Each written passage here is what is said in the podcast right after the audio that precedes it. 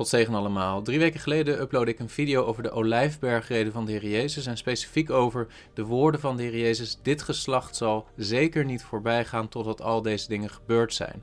En ik legde uit dat ik eh, denk dat het meest aannemelijk is dat de Heer Jezus in de Olijfbergreden profetisch spreekt over de vernietiging van Jeruzalem in het jaar 70 na Christus als een aangekondigd oordeel over de Joodse leiders die Christus hebben gekruisigd. En ik heb van sommige van jullie de vraag gekregen: ja, maar hoe leg je dan uit dat de Heer Jezus het heeft over bijvoorbeeld kosmische tekenen, zoals de zon die verduisterd zal worden, de maan die zijn schijnsel niet zal geven, de sterren van de hemel die zullen vallen, de krachten van de hemel die heftig bewogen zullen worden. Hoe kun je dat dan uitleggen als je denkt dat uh, deze dingen gebeurd zijn in de eerste eeuw? Nou, daar gaan we vandaag naar kijken.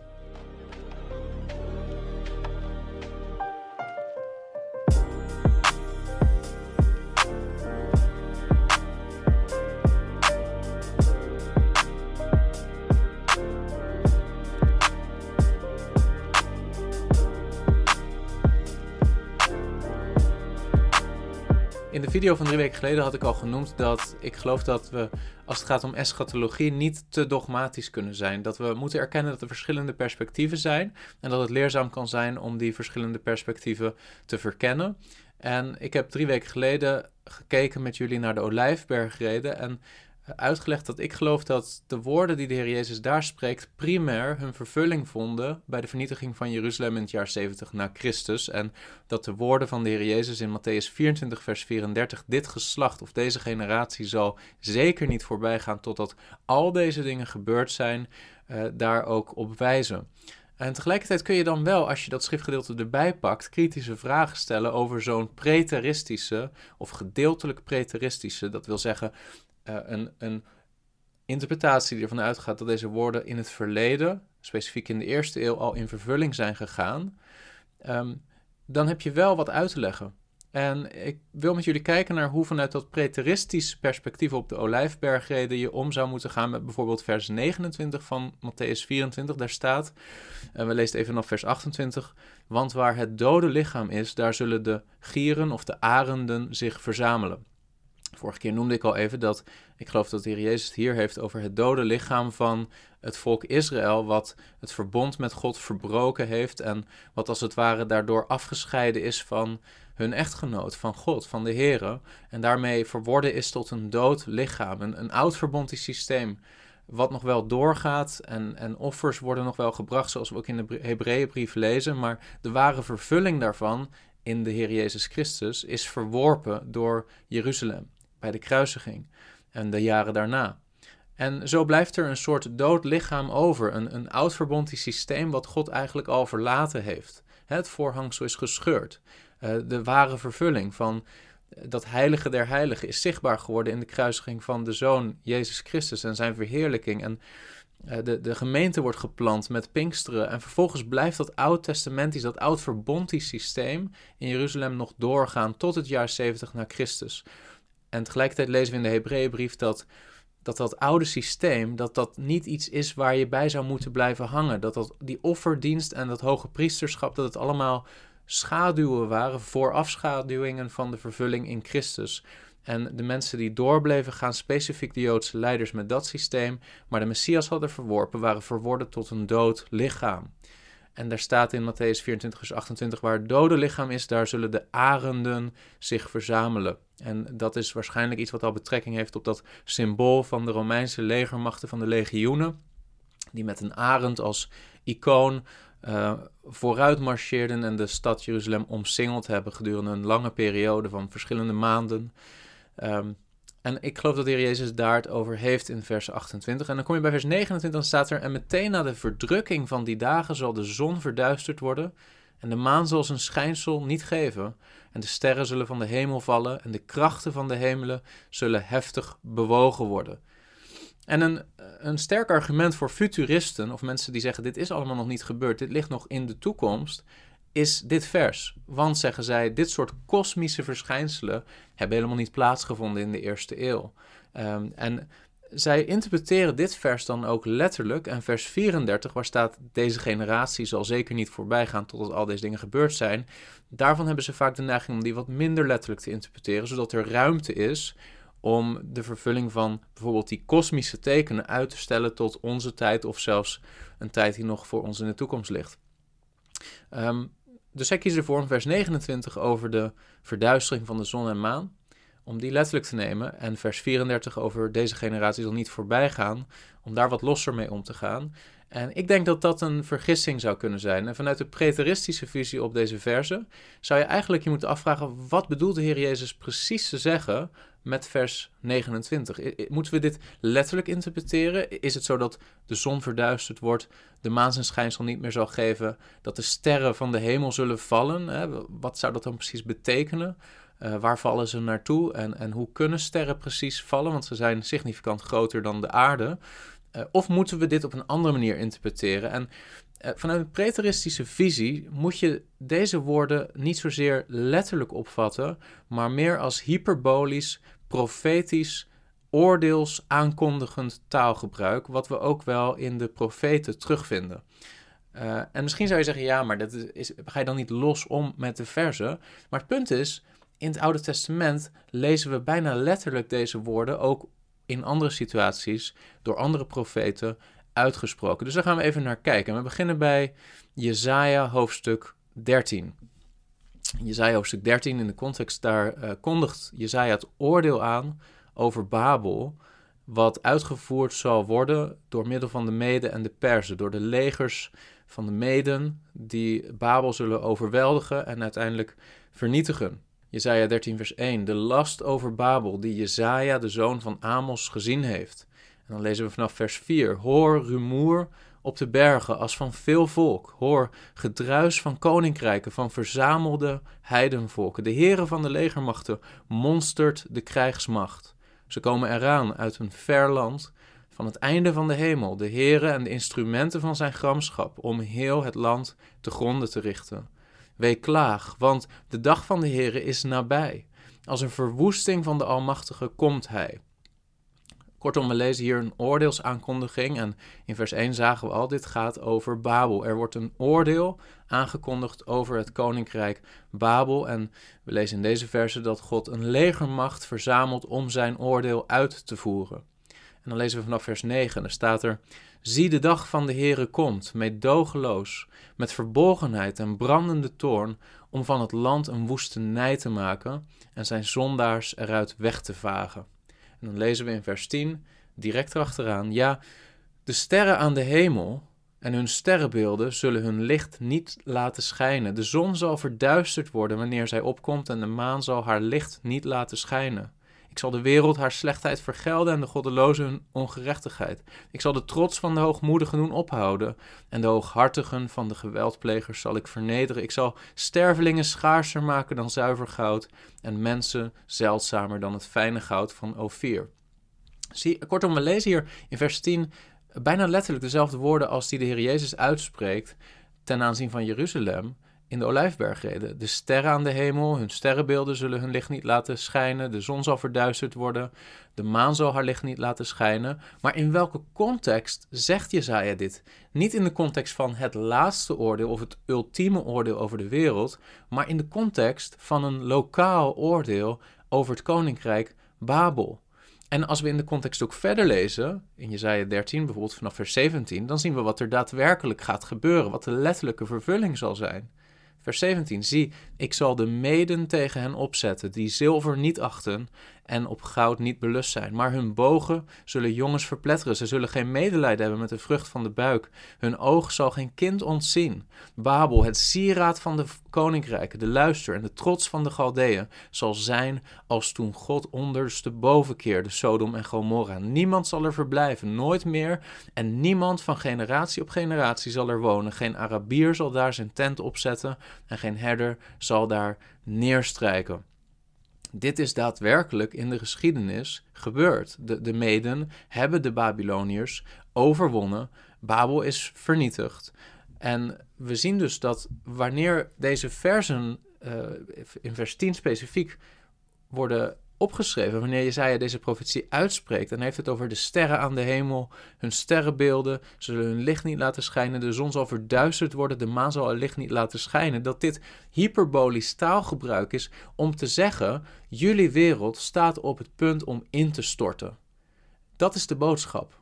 De boodschap is: jullie wereld staat op het punt in te storten. Net als dat de hemellichamen normaal staan voor stabiliteit, om de tijd aan te duiden, om de stabiliteit van het heelal aan te duiden, zegt Jezaja in feite: alles wat jullie denken dat vaststaat, dat zeker is, jullie machthebbers, jullie politieke systeem, jullie koninkrijk, het zal verbroken worden, het zal verduisterd worden, het zal vallen. Jullie leiders zullen stoppen met schijnen en de machten van de hemel zullen komen te vallen, zullen verduisterd worden. Dit gaat niet over uh, de laatste dag van het oordeel. Dit gaat niet over de laatste wederkomst van Christus. Dit gaat specifiek over het lokale oordeel van het koninkrijk Babel. Want anders is deze profetie helemaal niet zo relevant voor dat koninkrijk, want het is daadwerkelijk vernietigd uh, na het uitspreken van deze profetie door de Meden. Dus dat is, dat is een eerste precedent in Jesaja 13, waar we zien in het Oude Testament in profetische oordeelstaal dat er kosmische deconstructietaal wordt gebruikt. Dat er bepaalde hyperbolische beelden worden gebruikt om aan te geven: jullie wereld gaat instorten, God zal jullie oordelen. De dag van de Here komt. En dan gaat het niet over het laatste oordeel, maar dan gaat het over de dag van de Here in de zin van de dag dat God een rechtvaardig oordeel over jullie Babel zal uitgieten. Dat is een eerste precedent. Een tweede precedent vinden we in Jesaja 34 en daar gaat het over het oordeel over Edom.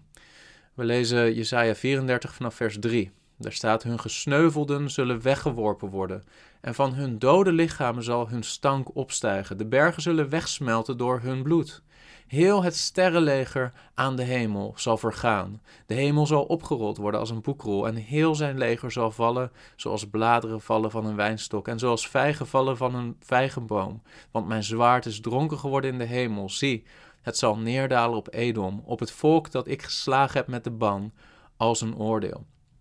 Hier kondigt Jezaja een lokaal oordeel aan over Edom.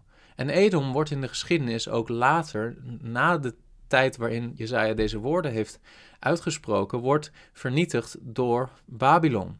Dus ook daar zien we dat kosmische deconstructietaal. Dat wil zeggen, het heelal staat op het punt in te storten. Vers 4. Heel het sterrenleger aan de hemel zal vergaan. De hemel zal opgerold worden als een boekrol. Heel zijn leger zal vallen. Dat Jezaja dit soort taal gebruikt om profetisch aan te geven... Edom, jullie koninkrijk, jullie wereld, jullie zekerheden staan op het punt in te storten. En dat het niet zozeer een letterlijke vervulling is waarbij het hele heelal vergaat, maar een lokaal oordeel gericht tegen een daadwerkelijk volk. We lezen ook uh, dat Jezaja elders dergelijke taal gebruikt wanneer hij het heeft over het oordeel over Israël. In Jezaja 50 vers 3, daar zegt de Heer, ik bekleed de hemel met zwart, bedek hem met rouwgewaad. En in de context gaat het ook daar over oordeel over een volk. En in een ander uh, andere profeet, Jeremia, lezen we in Jeremia 4, vers 23 tot 28. Zegt Jeremia: Ik zag het land en zie, het was woest en leeg. En keek naar de hemels en licht was er niet. Ik zag de bergen en zie, ze beefden en alle heuvels schudden door elkaar. Ik zag en zie, er was geen mens en alle vogels in de lucht waren weggevlogen. Ik zag en zie, het vruchtbare land was woestijn en al zijn steden waren afgebroken door de Heere, door zijn brandende toorn. Want zo zegt de Heere, heel het land zal een woestenij worden. Toch zal ik er geen vernietigend eind aan maken. Hierom zal de aarde treuren en de hemel daarboven, let op, in zwart gehuld worden. Want ik heb gesproken, ik heb het mij voorgenomen en ik zal geen berouw krijgen en er niet op terugkomen. Met andere woorden, wanneer God een lokaal, irreversibel, niet terug te draaien oordeel uitspreekt van vernietiging over een stad, een koninkrijk, een volk, gebruikt de profeet deze taal. Het, is als het ware alsof de hele schepping wordt teruggedraaid. Hè? De, het land is woest en het is leeg en er is geen licht in de hemel. Alsof, alsof de, de, scheppingsweek als het ware teruggedraaid wordt. En daarom noemen we dit ook wel kosmische deconstructietaal. Die eigenlijk een oordeel aankondigt en zegt: alles waarvan jullie denken dat het zeker is, het gaat instorten. Maar uiteindelijk is de vervulling ook van deze verse is een lokaal oordeel, in dit geval over het volk Israël. Ook in Ezekiel lezen we dergelijke taal bij de aankondiging van het oordeel over Egypte, wat ook in het jaar 605 voor Christus is uitgevoerd door Babylon. Ezekiel 32, vers 1 en 2. Daar staat: Het gebeurde in het twaalfde jaar, in de twaalfde maand, op de eerste van de maand, dat het woord van de Heere tot mij kwam. Mensenkind, hef een klaaglied aan over de farao, de koning van Egypte, en zeg tegen hem: Vers, uh, en dan komen er een aantal oordeelsaankondigingen tegen de farao, tegen Egypte. En dan lezen we als onderdeel van die woorden, vers 7, Ik zal de hemel bedekken wanneer ik u uitblus. Zijn sterren zal ik in het zwart hullen. Ik zal de zon met wolken bedekken en de maan zal zijn licht niet laten schijnen. Alle lichten die aan de hemel stralen, zal ik omwille van u in het zwart hullen. Let op, ik zal duisternis over uw land brengen, spreekt de Heere Heere. Dus hier zie je direct in de context dat, ook al heeft uh, de profeet het met zijn woorden en heeft de Heer het met de profetische taal over een soort kosmische effecten van alle lichten die zullen uitgaan. De sterren die in zwart gehuld worden, de, de maan die zijn licht niet laat schijnen, duisternis. Tegelijkertijd zegt hij: Ik zal duisternis over uw land brengen. Dus met andere woorden, ook hier gaat het weer om een lokaal oordeel, waarbij er kosmische deconstructietaal wordt gebruikt om aan te kondigen alles waarvan jullie Egypte denken dat het zeker is. Jullie, jullie leiders, jullie koning, jullie macht, jullie trots. Het staat op het punt in te storten door mijn oordeel. En hoe wordt dat oordeel uiteindelijk uitgevoerd? Door Babylon. Door, door een legermacht die uiteindelijk Egypte overweldigt. Dus we hebben het gezien in Jezaja, we hebben het gezien in Jeremia, we zien het in Ezekiel, dat dit soort taal letterlijk wordt gebruikt, maar eigenlijk altijd zijn vervulling vindt in lokaal oordeel door vrij natuurlijke gebeurtenissen, namelijk legermachten die het oordeel van de Heren uitvoeren. Dan komen we in Joël en in Joël zien we ook weer vergelijkbare taal. Joël hoofdstuk 2, daar lezen we vanaf vers 1 en hier wordt een aankondiging gedaan over het oordeel van Israël, waarvan eh, de meesten geloven dat het vervuld is in de eerste eeuw. Joël hoofdstuk 2 vers 1. Blaas de bazuin in Sion, sla alarm op mijn heilige berg, laat alle inwoners van het land sidderen, want de dag van de Heere komt, ja, is nabij. Vers 2. Het is een dag van duisternis en donkerheid, een dag van wolken en donkerheid. Zoals de dageraad zich over de bergen verspreidt, verspreidt zich een groot en machtig volk, zoals er niet geweest is van oude tijden af en hierna niet meer zal zijn, jarenlang, van generatie op generatie. Ja, let goed op, dit is heel interessant.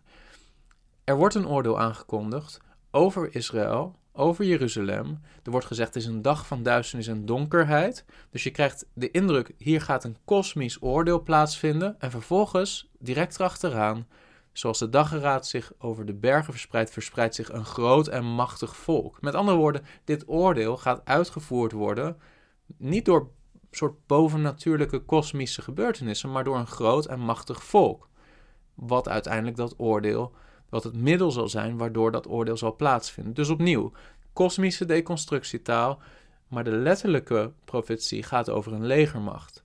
Een legermacht die Gods middel zal zijn tot het oordeel. En dat wordt verder ondersteund in de versen die volgen, want we lezen in Joel 2 vanaf vers 9. Zij stormen op de stad af. Ze rennen op de muren, ze klimmen tegen de huizen op. Als een dief komen ze door de vensters binnen. Bij die aanblik siddert de aarde, beeft de hemel. Zie je opnieuw die, die kosmische deconstructietaal. Heel de aarde beeft, de, de hemel beeft. De aarde siddert. Zon en maan worden in het zwart gehuld en de sterren trekken hun licht in. Vers 11. En de Heere laat zijn stem klinken voor zijn leger uit. Want zijn leger is zeer groot. Ja, machtig is hij die zijn woord ten uitvoer brengt. Groot is immers de dag van de Heer en zeer onzagwekkend. Wie zal hem kunnen verdragen? Dus opnieuw een oordeelsaankondiging, waarbij overigens in Handeling hoofdstuk 2, verzen in Joël hoofdstuk 2 worden geciteerd door Petrus als, alsof ze hun vervulling vonden op dat moment in de eerste eeuw. Uh, inclusief ook weer een citaat wat wijst op die kosmische deconstructietaal uit Joël over de verduistering van de hemellichamen. En overigens ook in Openbaring vinden we in Openbaring 6 vers 12 tot 15 weer dergelijke kosmische deconstructietaal. Er staat: En ik zag toen het lam het zesde zegel geopend had, en zie, er kwam een grote aardbeving, en de zon werd zwart als een harenzak, en de maan werd als bloed. En de sterren van de hemel vielen op de aarde, zoals een vijgenboom zijn onrijpe vijgen afwerpt, als hij door een harde wind wordt geschud. Dan denk je, nou, als er sterren op de aarde vallen, dan, ja, dan wordt de aarde vernietigd. De aarde is zo insignificant klein vergeleken met zelfs de kleinste ster, dat sterren die op de aarde vallen eigenlijk al niet eens zou kunnen uh, als het om een letterlijke vervulling uh, zou moeten gaan. Maar het gaat niet om een letterlijke vervulling. Het gaat hier om profetische, kosmische deconstructietaal, waarvan we al verschillende precedenten zien in het Oude Testament. Het gaat over een aankondiging van een oordeel. En God die zegt: alles waarvan jullie denken dat het zeker is en vaststaat, staat op het punt in te storten. En dat wordt verder ondersteund door ook de context in openbaring over succes. Want als we verder lezen, vers 14, en de hemel week terug als een boekrol die wordt opgerold. En alle bergen en eilanden werden van hun plaats gerukt. En de koningen van de aarde, de grote, de rijke, de overste over duizend, de machtige en alle slaven en vrije mensen verborgen zich in de grotten en tussen de rotsen in de bergen. Nou, uh, als er ook maar één ster op de aarde valt, in letterlijke zin, uh, dan zijn er geen koningen meer. En dan zijn er geen mensen meer die zich nog kunnen verbergen tussen de grotten en de rotsen in de bergen. Dus ook hier gaat het om kosmische deconstructietaal, waarbij er een hyperbol wordt gebruikt door God om een ernstig oordeel aan te kondigen. Maar ook in openbaring of succes zijn de meeste commentatoren het er wel over eens dat dat um, zeker in een preteristische visie gaat over het oordeel wat aangekondigd wordt over Jeruzalem en zijn vervulling vindt in het jaar 70 na Christus. Als we al die informatie bij elkaar pakken en teruggaan naar de Olijfbergreden, bijvoorbeeld in Matthäus 24, dan helpt het ons om dit mogelijk goed te interpreteren. want we hebben een precedent, verschillende precedenten in de schrift, om te zeggen: als de schrift de schrift interpreteert en we nemen die die vergelijkbare schriftgedeelte in Jezaja, Jeremia, in, in Ezekiel, in Joël. En dan komen we bij de woorden van de Heer Jezus in eenzelfde soort categorie van, van tekst, eenzelfde soort taalgebruik, namelijk profetische aankondiging van een oordeel over Jeruzalem, want dat is wat de Olijfbergrede uh, is in de context van het gesprek met de Joodse leiders en de beschuldigingen die de Heer Jezus maakt naar hen toe uh, vanwege het vermoorden van alle profeten en vervolgens ook het vermoorden van de Zoon van God zelf. In die context lezen we dan meteen na de verdrukking van die dagen zal de zon verduisterd worden en de maan zal zijn schijnsel niet geven en de sterren van de hemel zullen vallen en de krachten van de hemelen zullen heftig bewogen worden. In die context denk ik dat we er wijs aan doen om het te interpreteren als een aankondiging over het oordeel over Jeruzalem en dat de Heer Jezus zegt: jullie denken dat jullie hele religieuze, politieke systeem zo sterk staat, maar jullie wereld staat op het punt in te storten. Ween niet om mij, zei de Heer Jezus tegen de vrouwen die weenden om de Heer Jezus terwijl die richting het kruis gaan. Ween niet om mij, maar ween om uzelf en om uw kinderen. Specifiek omdat niet langer dan een generatie daarna, 40 jaar daarna, uh, Jeruzalem omringd wordt door Romeinse legioenen en vele maanden een hongersnoodsituatie ontstaat in Jeruzalem. En langzaam maar zeker niemand het kan volhouden in die stad. Mensen zo bezwijken van de honger dat, dat we zelfs vanuit de rapportages van Flavius Josephus weten dat er mensen waren die hun eigen kinderen opaten door de hongersnood. Uiteindelijk valt het Romeinse leger binnen en vernietigt heel Jeruzalem, inclusief de tempel onder leiding van de generaal Titus ten tijde van keizer Vespasianus. Al die dingen zijn vervuld in die generatie. En ik denk dan ook, en nogmaals, ik ben er niet te dogmatisch in, maar ik denk dat deze woorden vervuld zijn op dat moment. En dat betekent niet dat we geen toekomstige nog in vervulling gaande profetieën hebben. We, weten heel duidelijk dat de Heer Jezus zal terugkomen. In 1 Korinthe hoofdstuk 15. We weten dat uh, hij zijn laatste vijand, de dood, onder zijn voeten zal onderwerpen op het moment dat hij terugkomt. Dat er een opstanding zal zijn, een lichamelijke opstanding van de doden. En dat de Heer Jezus het laatste oordeel ten uitvoer zal brengen. Maar tegelijkertijd denk ik dat, dat we ook moeten erkennen dat specifiek als we het hebben over de Olijfbergreden dat die woorden hun vervulling vonden op het moment dat Jeruzalem vernietigd raakte. Ik ben benieuwd hoe jij daarover denkt. Ik ben benieuwd uh, hoe jij deze versie interpreteert. Laat ook een comment achter. Uh, dan kunnen we daarover doorspreken en daar ook samen in groeien. Uh, maar ik vind dit een interessante zienswijze, omdat ik deze specifieke zienswijze nooit meekreeg in de evangelische wereld waar ik ben opgegroeid. Uh, daar geloven de meesten dat het grootste deel van de Olijfbergreden en ook het boek Openbaring gewoon nog in de toekomst in vervulling moet gaan. Uh, maar die hebben dan ook veel moeite om uit te leggen waarom dit geslacht zeker niet voorbij zal gaan totdat al deze dingen gebeurd zijn. Heb je hier wat aan gehad? Uh, druk dan op like en wil je vaker dit soort apologetische video's zien? Abonneer je dan op dit kanaal. God zegen.